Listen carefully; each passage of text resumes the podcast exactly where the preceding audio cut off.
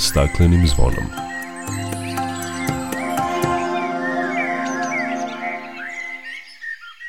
Dobar dan i dobrodošli na Zeleni talas prvog programa radija Radio Televizije Vojvodine. Ja sam Dragana Ratković. U Srbiji se kažu godišnje desi 80 hemijskih akcidenata. Samo u poslednjih mesec dana imali smo nekoliko – u Pirotu, Pančevu, Subotici. Govorit ćemo o učestalosti hemijskih akcidenata i njihovim posledicama po životnu sredinu i zdravlje ljudi, o prevenciji, upravljanju rizicima, merama otklanjanja posledica kao i o zakonskoj regulativi. Govorit ćemo i o reciklaži elektronskog i električnog otpada. Čućete i koliko promena klime utiče na populaciju pčela, šta se ugrožava pčele i koje mere se preduzimaju kako bi se sprečio njihov nestanak, i u kojim slučajevima se koristi vakcina za pčele. O ovim temama više nakon pozdravne pesme. Dok priroda kraj nas plače Za vladarskim svojim tronom Tužno vele narikače Pod staklenim smo zvonom Znaj vazduha više nema Sve manje je i ozona Protiv sebe ide čovek i to često bez pardona. Uništenju živog sveta Kao da su ljudi skloni. Čovek sam je sebi meta Zbog njega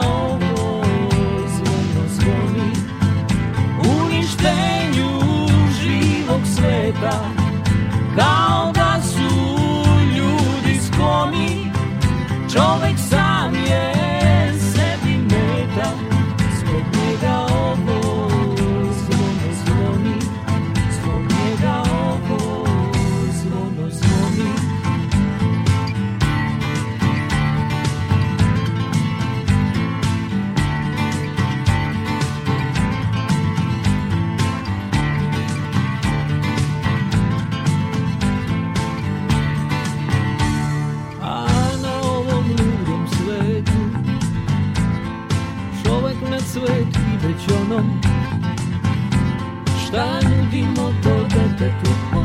stakleni kad smo zvonom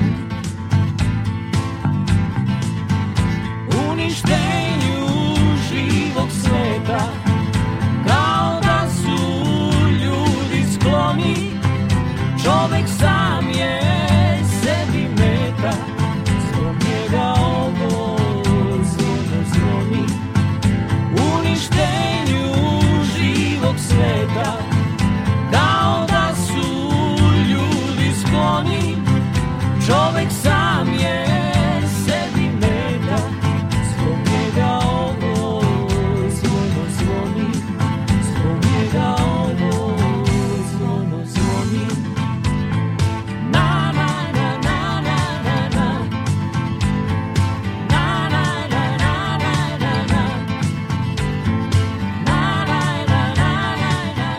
Slušate emisiju pod staklenim zvonom. U Srbiji se kažu godišnje desi oko 80 hemijskih akcidenata. U poslednjih mesec dana imali smo nekoliko. U Pirotu kada je teretna kompozicija koja je prevozila cisterne sa amonijakom iskliznula sa pruge, nakon čega se više vagona prevrnulo. U Pančevu je došlo do curenja amonijaka iz autocisterne, a pre nekoliko dana u Subotici su tri cisterne sa propilenom zapaljivom materijom iskliznule iz šina o učestalosti hemijskih akcidenata i posledicama po životnu sredinu i zdravlja ljudi, o prevenciji, upravljanju rizicima, merama otklanjanja posledica i zakonskoj regulativi razgovaram sa profesorkom Milenom Bečalić-Tomin na katedri za hemijsku tehnologiju i zaštitu životne sredine Prirodno-matematičkog fakulteta Univerziteta u Novom Sadu. Dobar dan i dobrodošli na Talasa Radio Novog Sada. Dobar dan i ja vam se zahvaljujem na pozivu za učešću u emisiji. U svetu se, kažu, svakoga dana dogodi oko 35 hemijskih akcidenata manjeg ili većeg obima, ali proizvodnja i potrošnja opasnih materija je u stalnom porastu i mnogo je onih koji proizvode, ali i mnogo je onih koji koriste opasne materije, obavljaju transport, skladište ili čuvaju i uvek postoji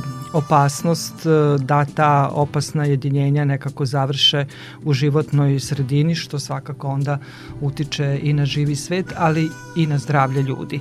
Imamo i svakodnevna zagađenja, jer se negde oko 100.000 opasnih substanci koristi, s obzirom da se takva hemijska jedinjenja svakodnevno mogu naći u životnoj sredini i putem otpadnih voda i na drugi način kada govorimo o hemijskom akcidentu. Akcident ili hemijski udes, dakle oba izraza se koriste ovaj, u, i u svakodnevnom govoru i mogu se naći u literaturi u našoj zemlji, je zapravo događaj kao što je izlivanje zagađujućih substanci, hemijskih substanci, požar, eksplozije i tako dalje, koje je zapravo posledica nekontrolisanih hemijsko-tehnoloških zapravo događaja i to su događaji koji se dešavaju nenamerno, dakle i najčešće iznenada. I posledice su najčešće takve da prouzrokuju štetu po životnu sredinu, dakle materijalne i nematerijalna dobra i najčešće, nažalost, ugrožavaju zdravlje, a neretko i život ljudi. Ono što bih zapravo naglasila da treba napraviti razliku, vi ste sada pomenuli da se suočavamo sa zagađivanjem životne sredine i u redovnim uslovima, ne u ovakvim vanrednim uslovima, ali treba napraviti razliku između svesnog zagađivanja životne sredine i ovakvim, dakle, nekontrolisanim, nenadanim, nenameravanim zapravo događajima. Šta se se može desiti kad se te opasne zagađujuće hemijske materije nađu u životnoj sredini. To su obično opasne ili opasne hazardne substance i osim toga što mogu da imaju e, štetan efekat e, zapravo po zdravlje, a i kao što rekoh po e, život ljudi u povredivim zonama. Pored toga, dakle, mogu da izazovu čitav niz negativnih efekata po životnu sredinu i vrlo često, dakle, sa irreverzibilnih efekata sa trajnim posledicama, dakle, i pored tih akutnih toksičnih efekata, takođe mogu da kasnije izazovu neke hronične efekte po živi svet i naravno i pored toga takođe dovode do velikih materijalnih šteta, dakle vrlo često ako se desi požar, eksplozije i tako dalje. Životna sredina je vrlo složena, kao što znamo ona je sastavljena iz više medijuma, iz vazduha, vode i zemljišta i e, hemijske substance zapravo podležu normalnim uslovima brojnim procesima i kreću se ne samo unutar jednog medijuma, nego i između različitih medijuma životne sredine, podležu dakle transformacijama i tako dalje, tako da i kada se dese ovakvi događaji, vrlo je važno proceniti naravno visinu tog negativnog uticaja na dalje po životnu sredinu. Kako se i u kojim slučajima radi ta procena rizika? Procena rizika je zapravo jedan proces koji podrazumeva da se odredi stepen jel, rizika i takođe ugroženost kao i stanje nakon što se desio udes i negde bi se podrazumevalo da se procena rizika vrši i pre nego što se neki udes zaista desi u nekom određenom vremenskom periodu.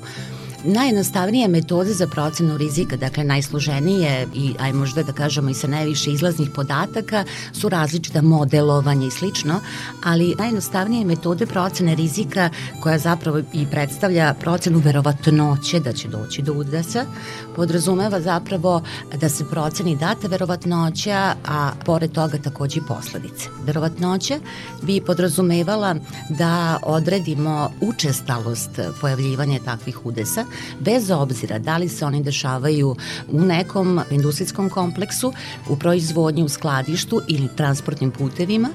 Pored toga i to se može vršiti na osnovu istorijskih podataka ili na osnovu naše zaista realne procene rizika analitičkim pristupom, a što se tiče posledica, za to se obično koriste indikatori, a indikatori su ili broj preminulih osoba, povređenih, uginulih životinja, kontaminiranog zemljišta i slično. Mi smo u poslednjih mesec dana imali nekoliko hemijskih akcidenata, dva su bila sa amonijakom e, koji su završili i smrtnim ishodom, ali i oba su se desili dakle u slučaju transporta. Na sreću nismo imali udese u okviru industrijskih kompleksa u nekom poslednjem uh, vremenskom periodu, još jedno napominjem na sreću, ali ako poredimo sada dakle, ovakve događaje sa događajima u okviru nekog industrijskog kompleksa, onda tu možemo da kažemo da je veća verovatnoća pojave ovakvih događaja. Ja se zapravo bavim najviše posledicama udesa u životnoj sredini,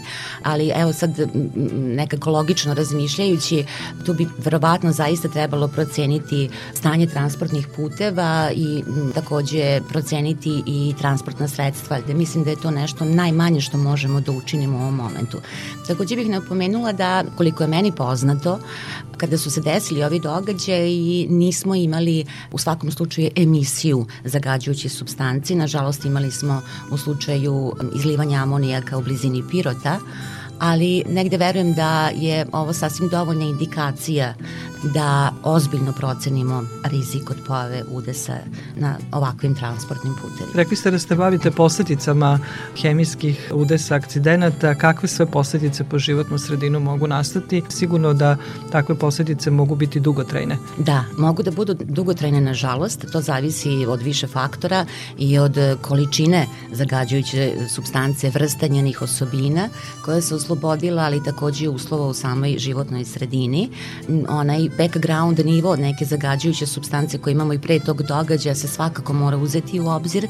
Dakle, stanje životne sredine i pre udesa i tu negde možemo da zapravo napravimo razliku koliko je udes doprineo zagađivanju životne sredine i to treba da se uzme u obzir kada ovaj, procenjujemo rizik. No evo ja ću se osvrnuti na ovaj e, događaj koji se desio, koji smo napomenuli, izlivanje amonijaka u blizini Pirota.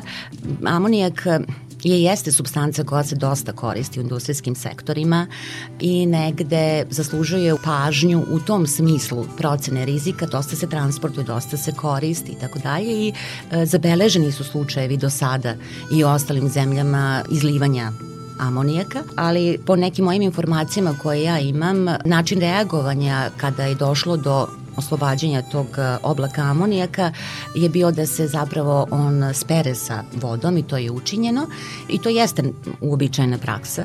No ono što bih ja naglasila i što smatram da je vrlo važno je nadalje praćenje stanja mhm. životne sredine na tom lokalitetu jel, i na to, ili procenjenoj povredivoj zoni upravo iz tog razloga da bi mogli da procenimo da dalje posledice ovaj datog udesa. I u bilo kom drugom slučaju je to vrlo važno.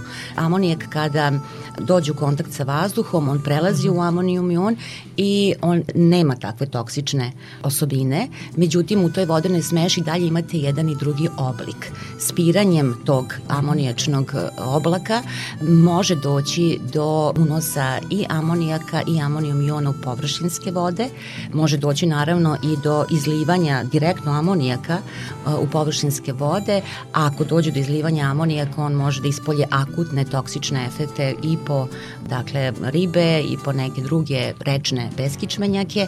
Ukoliko dospe u kontakt sa zemljištem, tu možemo očekivati da će doći do degradacije amonijaka, odnosno amonijum iona, da će preći od nitrate i da nećemo toliko imati velike posledice, osim u slučaju zapravo zavisnosti koji oblik tada u tom tom momentu bio dominantan. Jel? Potreba za remedijacijom zemljišta će zahtevati i zahteva zapravo da nadalje pratimo stanje životne sredine i kvalitet zemljišta i uopšte prodor takvih hemijskih substanci kroz zemljište. I nadalje, kažem, mislim da je na tom lokalitetu vrlo važno pratiti i kvalitet i stanje i vršiti neki kontinualni monitoring i to jeste uobičajena praksa. Jer znate, kad se desi udes, imate dva načina reagovanja. Jedan način reagovanja, takozvano brzo reagovanje, kada u kratkom vremenskom periodu, nakon što se desi udes, uzorkujete različite uzorke iz različitih medijuma životne sredine, dobijate neku prvu informaciju koja vam ukazuje upravo na te povredive zone i širenje zagađenja. Međutim, nakon što se saniraju, koliko se saniraju posledice, ono što je moguće u kratkom vremenskom periodu sanirati, nakon toga se najčešće primenjuje takozvana standardna procedura. Dakle, prati se stanje životne sredine, sredine i vrlo često vrši na dalje modelovanje.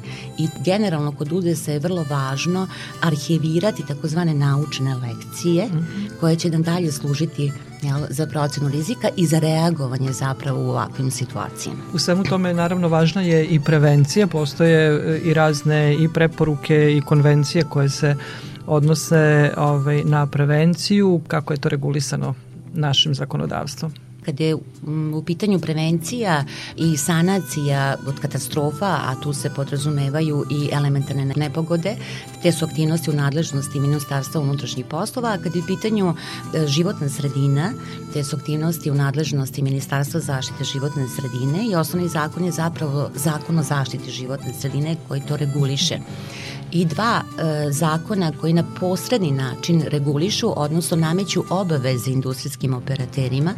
To je zakon o zaštiti životne sredine i zakon o integrisanom sprečavanju i kontroli zagađivanja životne sredine. Kao što je dobro poznato, naša zemlja jeste u procesu e, harmonizacije nacionalnog zakonodavstva sa zakonodavstvom Evropske unije.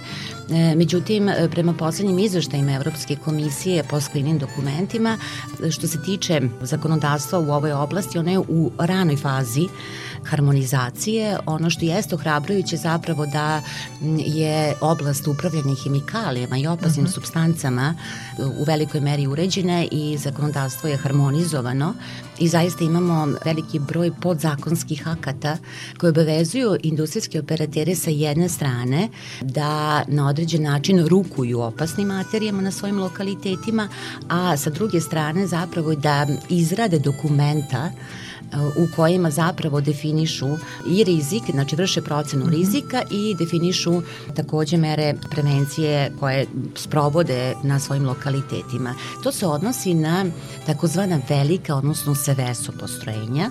Takvih postrojenja u našoj zemlji eh, je do sada identifikovano 62. To podrazumeva zapravo rukovanje i skladištenje velikih količina opasnih substanci. Zašto se zove ovaj, SEVESO postrojenje? U Evropi eh, je na snazi SEVESO tri direktiva. Generalno oko 10.000 postrojenja, takvih postrojenja postoji na teritoriji Evropske unije i ono što je činjenica zapravo da je ta direktiva kada posmatramo broj udesa koji se desio u zemljama Evropske unije 70. i 80. godina E, prošlog veka. Dakle, sa primenom ovakvih direktiva, odnosno ove direktive, se u velikoj meri zapravo unapredila ta prevencija od strane industrijskih operatera. Mi smo govorili o ovim velikim e, hemijskim e, akcidentima, udesima, a onim hemikalijama koje svakodnevno dospevaju u našoj životnoj sredini, toga se nismo baš dotakli, a toga zaista ima mnogo i na razne načine hemijske substance dospevaju u životnu sredinu. Jeste i to koje će substance dospeti u životnu sredinu e, prvenstveno zavisi pored industrijskih aktivnosti zavisi naravno i od e, načina življenja stanovništva i od generalno karakteristika neke populacije. I ozbiljne studije su pokazale da ukoliko imate na teritoriji recimo nekog grada ili generalno na nacionalnom nivou stariju populaciju da možemo očekivati veći broj primene farmaceutskih nekih substanci, dakle lekova ili slično u otpadnim vodama, da one mogu dospeti do površinskih tokova, da mogu dospeti do zemljišta i tako dalje. Dakle, od karakteristika i načina življenja populacije u mnogome zavisi i to koje će se substance, znači pored industrijskih aktivnosti, naći u našem okruženju, odnosno u životnoj sredini. I meni se čini da je taj broj e, čak i novih substanci sve veći i veći i da nauka koliko god i u razvijenim zemljama se trudi da stigne zapravo da isprati taj veliki broj substanci, čini mi se da e, još uvek nismo ni svesni, iako se te baze podataka stalno uvećavaju, da još uvek nismo ni svesni ukupnog broja hemijskih substanci koje se nalaze u nekom našem okruženju.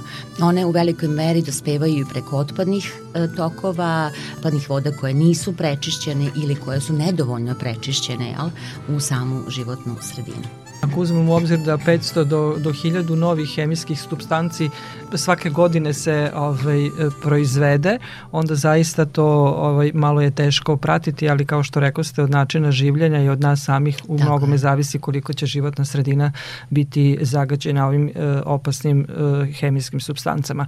Hvala vam lepo za razgovor i učešću u programu Radija Novog Sada. Hvala i vama, bilo mi je drago. Mr. Sounds just like a fountain Only goes where the rhythm takes him. Only goes where the sun don't shine. On his own to a paradise. Mr. Sam falls like a mountain, like a volcano erupting. On the boat on the molten lava standing up like a wild impala, standing out like a weekend martyr, living life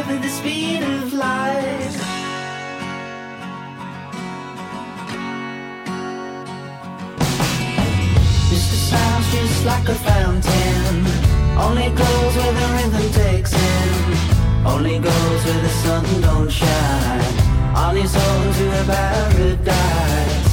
Mr. Slam goes like a mountain, like a volcano erupting on a boat on the molten lava, standing up like a wild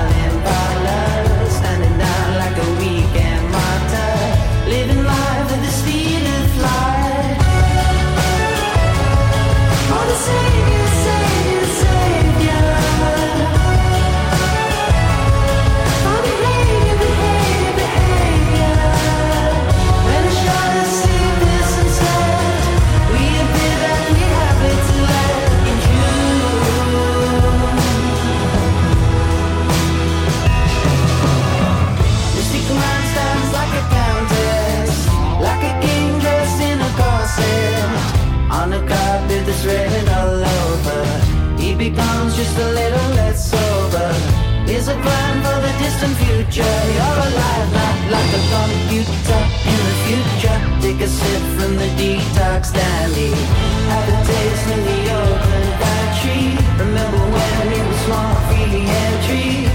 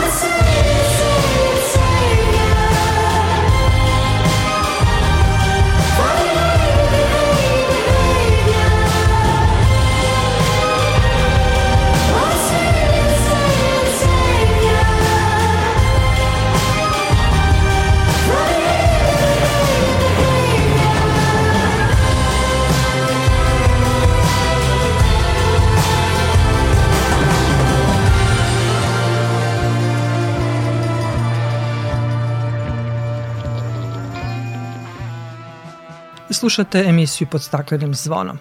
U svetu se godišnje baci više od 50 miliona tona elektronskog i električnog otpada. To nameće pitanje recikliranja tog otpada i njegove upotrebe u proizvodnji novih proizvoda.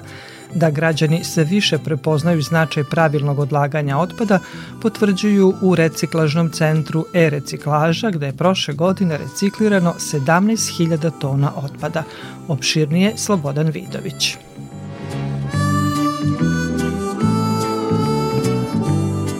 Najbrže rastući otpad širom sveta predstavlja električni i elektronski otpad, kaže direktor za održivi razvoj u Naledu Slobodan Krstović, navodeći šta spada u tu vrstu otpada. Kada govorimo samo o električnom i elektronskom otpadu, tu je nekih deset različitih kategorija. To jesu veliki kućni aparati, mali kućni aparati, mobilni telefoni, računarska IT oprema, automati i neke druge kategorije, ajde da ih ne pominjamo sada, ali definitivno ova vrsta otpada predstavlja najbrže rastući otpad širom sveta, po nekim procenama to je 5% godišnje. Podatak da 50 miliona tona električnog i elektronskog otpada se na globalnom nivou produkuje, zapravo nas opominje da prvo koristimo proizvode što duže, da smanjimo otpad, a nakon toga kada već postanu otpad da ih recikliramo na pravi način i da ih upotrebimo kao jednu novu sirovinu u proizvodnji novih proizvoda. Na pitanje šta treba da se uradi kako bi se podigla svest građana o značaju odlaganja te vrste otpada, Krstović navodi da je ključ da se ponude mesta za njegovo odlaganje, kao što su opštinski sakupljački centri i radnje u kojima se kupuje nova oprema. Međutim, kako kaže, taj deo kod nas nije uređen dovoljno.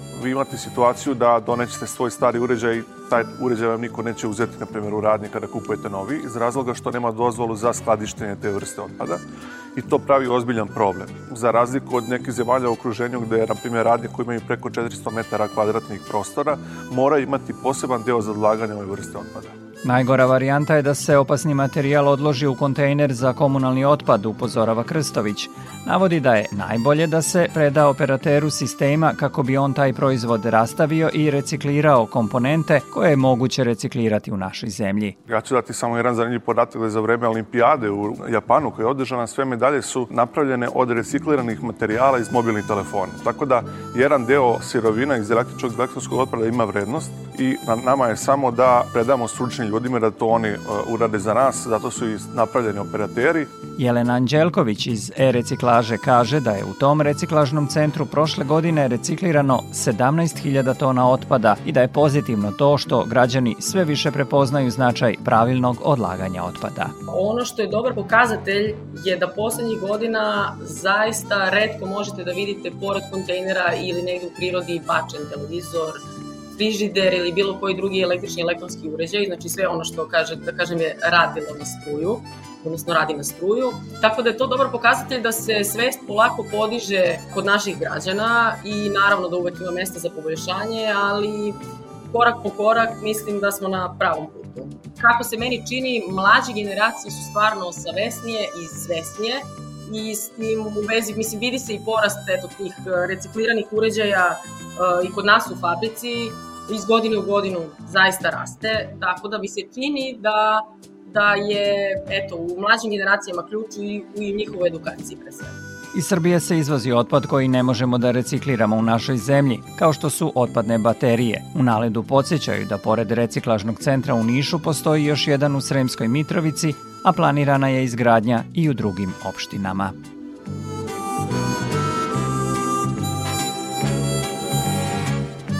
Ministarstvo zaštite životne sredine raspisalo javni poziv za dodelu podsticaja za ponovnu upotrebu i iskorišćenje otpada za četvrti kvartal prošle godine.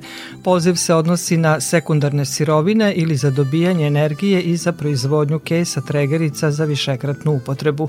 Na javni poziv mogu se prijaviti operateri postrojenja za ponovno iskorišćenje, odnosno tretman otpada, koji imaju dozvolu u skladu sa zakonom o upravljanju otpadom kao i proizvođači plastičnih kesa tregerica za višekratnu upotrebu debljine veće od 20 mikrona. Podsticajna sredstva ne dodeljuju se za tretman tretiranog elektronskog i električnog otpada kao ni za tretman otpada koji nastaje od proizvoda za koje nije propisana obaveza plaćanja naknade za pokrivanje troškova upravljanja posebnim tokovima otpada.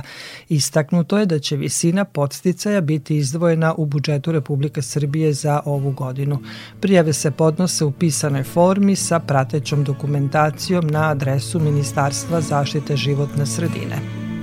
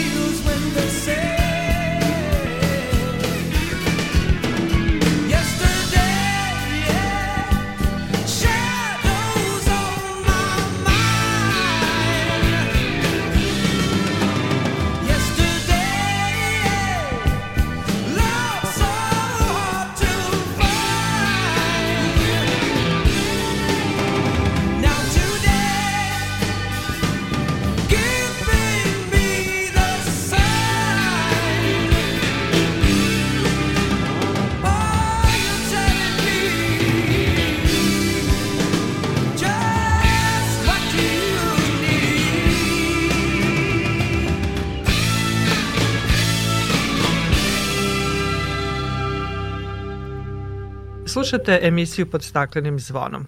Pčele su sastavni deo ekosistema planete Zemlje milionima godina. Vredno oprašuju biljke i proizvode lekoviti med.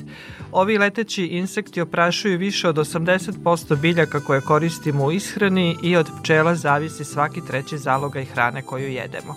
Populacija pčela je u svetu drastično opala usled raznih faktora, među kojima su i klimatske promene.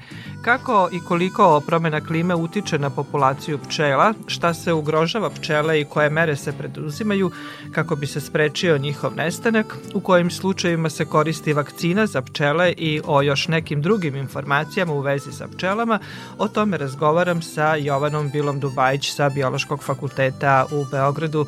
Jovana, dobrodošli na talase Radio Novog Sada. Hvala na pozivu. Postoji negde preko 20.000 različitih vrsta e, pčela i mnogima je interesantan podatak da kod nas živi oko 800 vrsta, ali na globalnom nivou primećen je trend smanjenja diverziteta i opadanja brojnosti e, pčela, što svakako može uticati i na proizvodnju hrane i na ekosistem.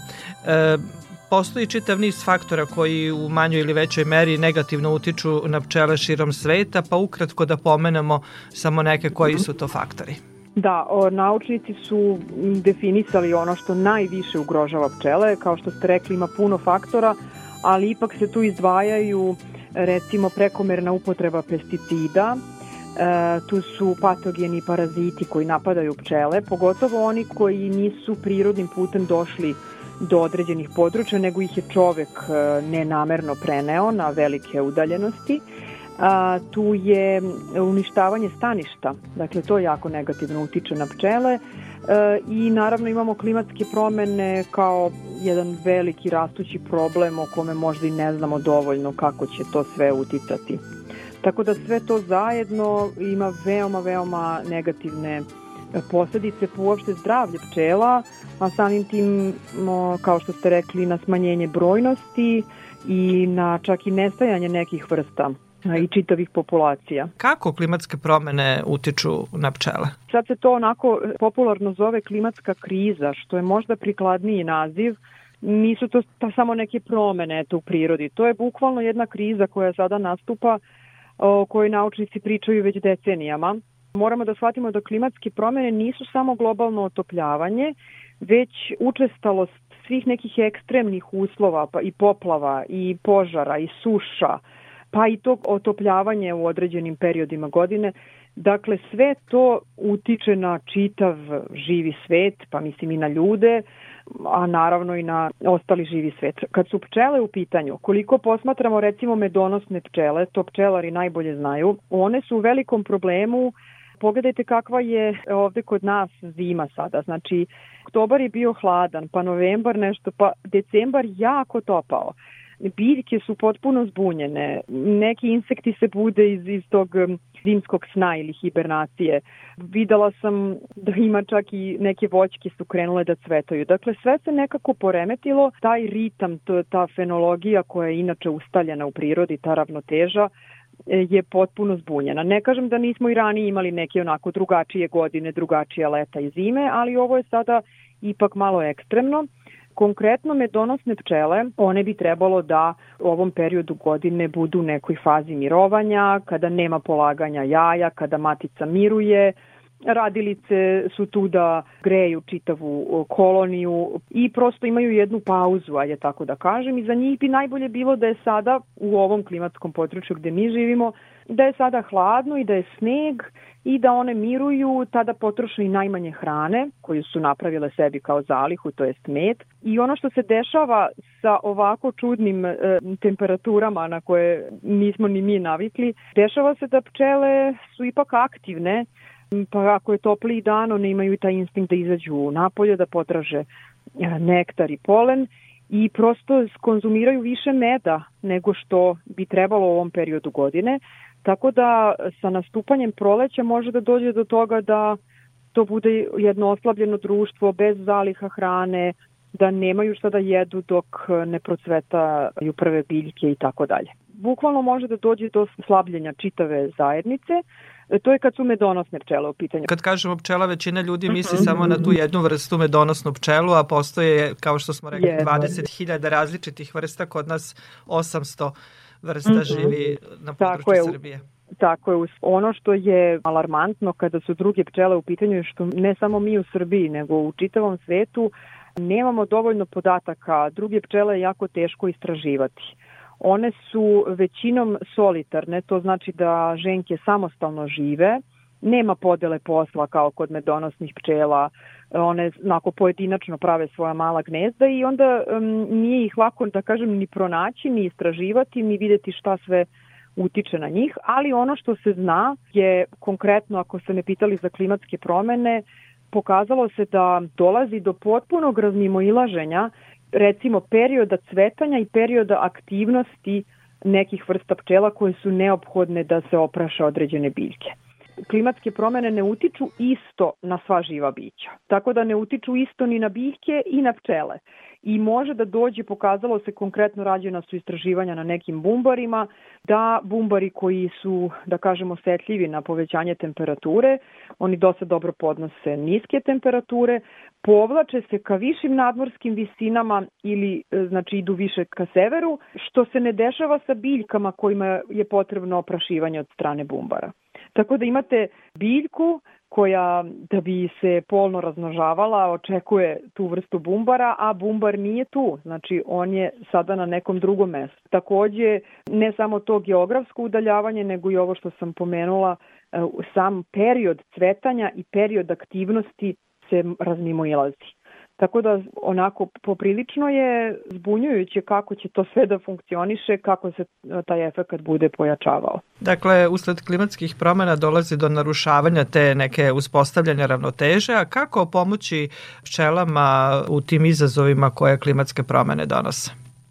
Da, jako je teško običnim ljudima, svima nama koji želimo nešto da uradimo, Ja kada kažem da su klimatske promene najveći problem, prekomerna upotreba pesticida, to onako zvuči da stvarno običan čovek ne može ništa da učini. Međutim, ukoliko se svi fokusiramo da učinimo makar nešto malo, ono što možemo, pčele će svakako imati bolje zdravlje da se suoče sa svim tim izazovima koje su stavljene pred njih. Na primer, svako od nas može da sadi što više medonosnih biljaka, pa nije važno da li imamo dvorište neko veliko ili manje, to, to je najbolje, ali čak i ukoliko imamo jednu terasu ili čak cvetni prozor, verujte da može puno da znači. Zamislite i u gradovima kakva je situacija, pa i u poljoprivrednim predelima. Poljoprivredni predeli sada se sastoje od nekih ogromnih monokultura, to su ogromna prostranstva pod samo jednom istom biljkom, To za pčele znači jednoličnu ishranu i eto ukoliko možda utičemo i na poljoprivrednike da oni vode računa o tim ivicama svojih polja, da puste neku spontanu vegetaciju, to su te svetne margine koje mogu da se uspostave, koje mno, mogu mnogo da znače pčelama.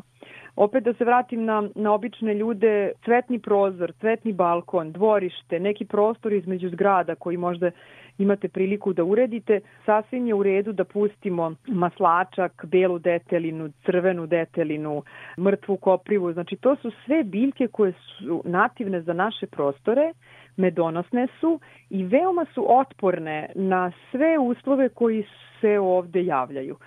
Tako da to je onako prvo nešto što svako od nas može da uradi, jer samim ti obezbedit ćemo to stanište koje fali pčelama. U, u momentu kada one imaju dovoljno hrane, znači dovoljno cveća tokom celog vegetativnog perioda, one onda imaju i bolji imunitet, što je ta hrana raznovrsnija i samim tim uh, mogu bolje da se, da kažem, suoče sa svim ovim problemima. Pomenuli ste imunitet pčela, zdravlje pčela, a kako bi se zaustavio pomor pčela koji imaju ključnu ulogu, kao što smo rekli, u oprašivanju uh mhm. biljaka u ekosistemu, Ministarstvo poljoprivrede Sjedinjenih američkih država odobrilo je korišćenje prve vakcine za pčele u svetu koje bi trebalo da ih zaštiti od bolesti koje mogu da opustoše kolonije, kažu, za samo nekoliko nedelja. O kakvoj e, vrsti vakcine se radi i koliko takva vrsta intervencije može pomoći pčelama? Da, baš je zanimljivo to kad se pojavila ta vest, e, onako kad kažemo vakcina, zamišljamo neki špric, pa onda je jako čudno kad kažemo da se vakcina primenjuje na na nekom insektu.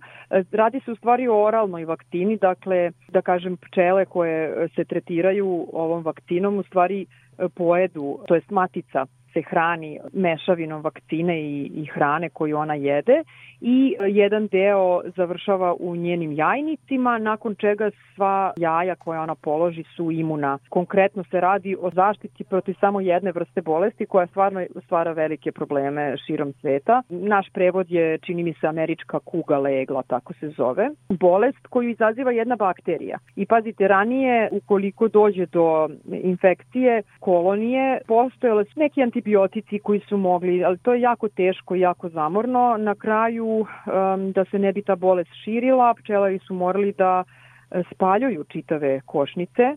To je bio jedini način. Ova vakcina jeste sada velika novina, vidjet ćemo kako će to sve ići. Ja svakako mislim da je pozitivna stvar zato što se praktično može rešiti ova jedna e, bolest koja, kao što ste rekli, može da uništi čitave košnice i veoma se lako širi. Pošto se radi o medonosnim pčelama, da li će uh -huh. to mhm. uticati na kvalitet meda? da vam kažem, medonosne pčele su fenomenalno u tom smislu da šta god da im se desi, znači ako su izloženi i teškim metalima i pesticidima, one to sve zadrže u svom telu, radilice to sve zadrže u svom telu i med je gotovo uvek dobar, čak i u nekim zagađenim sredinama, gotovo uvek dobar. Tako da one svoju hranu, to je njihova zimnica, ajde tako da kažem, one to čuvaju, znači to je ono što izađe najbolje iz, iz njih, a njihov životni vek se skraćuje baš zbog tih e, nagomilanih toksina u njihovom telu. Tako da i ova bolest koja ih je napadala nije uticala na kvalitet meda, ali prosto e, pčelari su bili u velikom problemu jer meda nema kad su pčele bolesne, al tako? Znači nije uticalo na kvalitet, već jednostavno su gubili veliki procenat društava zbog ove bolesti. Da, ova vakcina se odnosi samo na medonosne pčele. Samim tim što je medonosna pčela ekonomski značajna vrsta, najveći deo istraživanja se upravo usmerava ka medonosnim pčelama, pa čak i neki vidovi zaštite i svih drugih mera koje se sprovode, sve je vezano za medonosne pčele. Nažalost, sve druge pčele nemamo mogućnost da tako ni tretiramo protiv bolesti, ni da ih premestimo na neko povoljno stanište kao što možemo medonosne pčele. Divlje pčele nemamo mogućnost da dohranjujemo kada je neka loša godina ili suša ili neka jaka zima. Tako da taj fokus na medonosnu pčelu jeste doneo mnoga otkrića i saznanja, ali to nije dovoljno zato što su nam potrebne sve pčele da bi proces oprašivanja bio potpun. E, tako da ja stalno volim da kažem sva ova nova otkrića, eto sad i vakcina za pčele je super, smatram to pozitivnim korakom, ali mislim da bi trebalo malo da obratimo pažnju na druge pčele i na druge oprašivače, jer oni svi zajedno u stvari čine taj proces oprašivanja kompletnim. Jedna je samo vrsta pčela medonosna, ostalih 20.000 vrsta su ove divlje pčele kako, kako vi kažete i zato moramo da obratimo pažnju. Još samo za kraj htela sam da vas pitam, uh mhm. -huh. da li još u Beogradskoj park šumi Košutnjak postoji azil za pčele? Postoji. To je u nadležnosti Beogradskog udruženja pčelara. Mislim, nigde u Srbiji ne postoji služba koja bi pomogla građanima. Dešavalo se i u vrtićima i u školama i to je stvarno nezgodno gde ima puno ljudi i dece. Ovaj, to mora neko da ukloni. Tako da Beogradsko udruženje pčelara izlazi na teren kad god može i sva ta pčelinja društva koja preuzmu, da tako kažem, sklone, e, odnose na košutnjak gde postoji taj, kako su oni nazvali, azil za pčele prosto da bi nastavile da žive, svakako pomažu ljudima. Medonosne pčele nisu opasne e, u smislu ovako na cveću, u parkovima, čak i ako ih ima puno. Ali ukoliko vam je njihovo gnezdo u blizini, one mogu to svakako da brane i razumem ljude koji se javljaju da da se to odnese. Tako da da, one završavaju, prva stanica im je na Košutnjaku praktično rešenje, rekla bih, e, za takve slučajeve, ali kada govorimo o pčelama, možemo konstatovati da populacija opada usled raznih faktora, jedan od njih su i klimatske promene o kojima smo govorili, a tu je i zagađenje vazduha, i gubitak staništa, i upotreba e, pesticida i postoje razni načini da im pomognemo. Vi ste pomenuli neke, mnogi gradovi već u, u Evropi i svetu se trude da očuvaju biodiverzitet, puste malo prirode uh Mhm. -huh. i divljine u zelenilo grada kako bi se čuvale pčele. Dakle, postoje brojni način jer svi smo svesni o značaja pčela za opstanak i ekosistema, ali i opstanak i nas ljudi i životinja uopšte za opstanak, ako tako mogu da kažem, života na planeti. Da, dok ste ovako kao malu rekapitulaciju govorili, e, setila sam se da nisam rekla još jednu stvar koju svi možemo da uradimo, a to je e, smanjenje intenziteta košenja zelenih površina. E, Ne samo da ćemo pomoći pčelama na taj način, već i jedna od mera borba protiv klimatskih promena je upravo to da pustimo zelenilo, da pustimo prirodu da umanji te efekte. Znači jedna zelena zdrava površina može da smanji i nivo prašine, nivo buke, da upije veliku količinu padavina, da smanji te ekstremne promene u temperaturi koje recimo srećemo u gradovima tokom letnjih meseci. E, Dakle, budite lenji baštovani, nemojte kositi često, nemojte kositi na veoma nisku. Biljke kada su tako posečene na nisko, one onda brže rastu.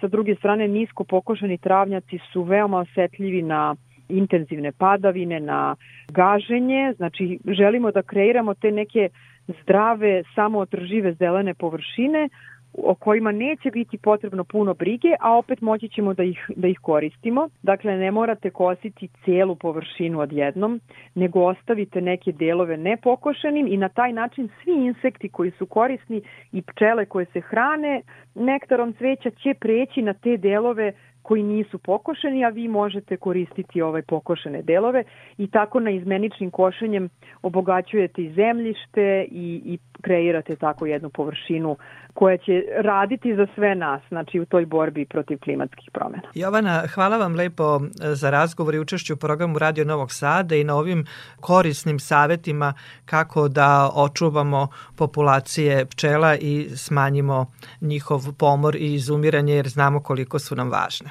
Hvala.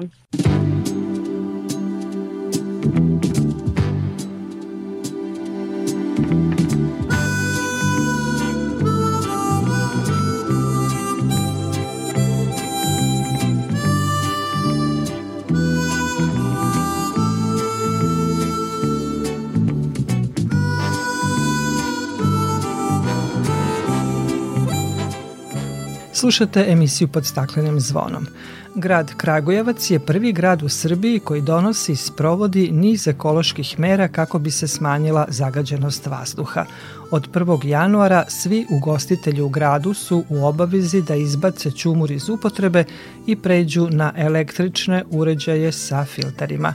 U septembru je doneta obaveza za investitore koji grade objekte da učestvuju u zelenom programu sadnje drveća, dok je najveći zagađivač energetika prešla na kotlove na gas u novoj grejnoj sezoni. O svemu tome naša dopisnica Ana Rebić.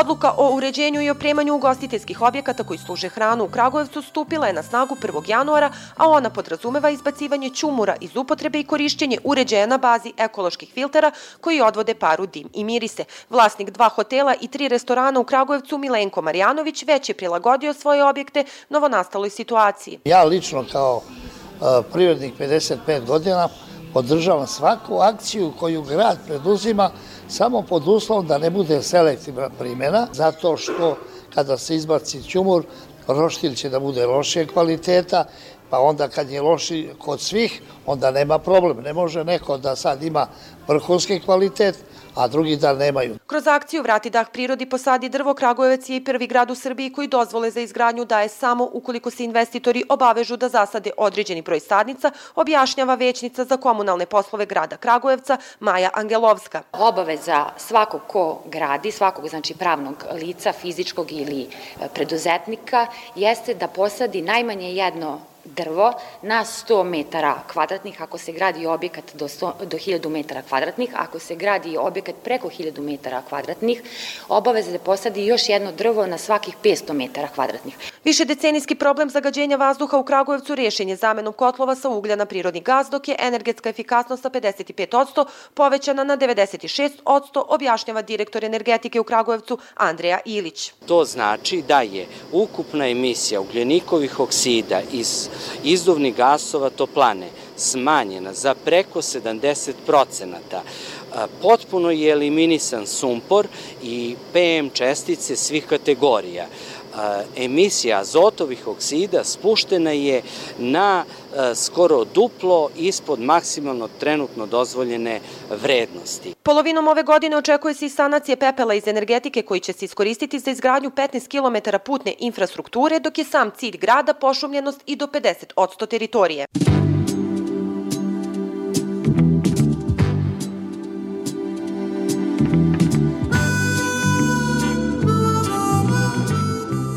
I za kraj jedna informacija. Stanje organizacija civilnog društva u Srbiji generalno nije povoljno jer samo nekoliko organizacija ima kapacitete za to da se efektivno angažuje i utiče na politike i donošenje odluka, dok većina organizacija civilnog društva zasniva svoj rad na aktivizmu i imaju skromne kapacitete za angažovanje ili uticaj na javne procese. Zbog toga WWF Adria Srbija poziva sve zainteresovane organizacije civilnog društva da se prijave za obuke koje će im pomoći u jačanju svojih kapaciteta i tako ih osnažiti za budući rad u oblasti zaštite životne sredine. Cilj obuka je osnaživanje programskih, finansijskih i operativnih kapaciteta organizacija i biće prilagođene potrebama svake organizacije nakon ustanovljene procene potreba. Sve zainteresovane organizacije potrebno je da popune upitnik o definisanju svojih potreba, a oni će u narednom periodu kontaktirati prijavljene.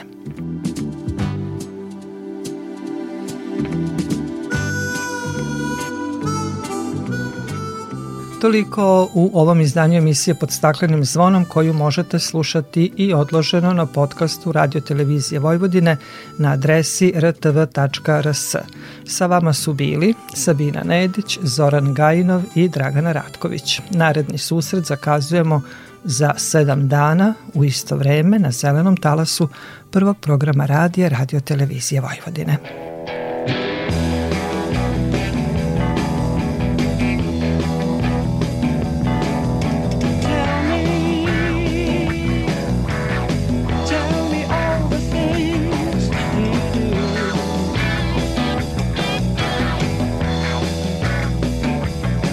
I'll tell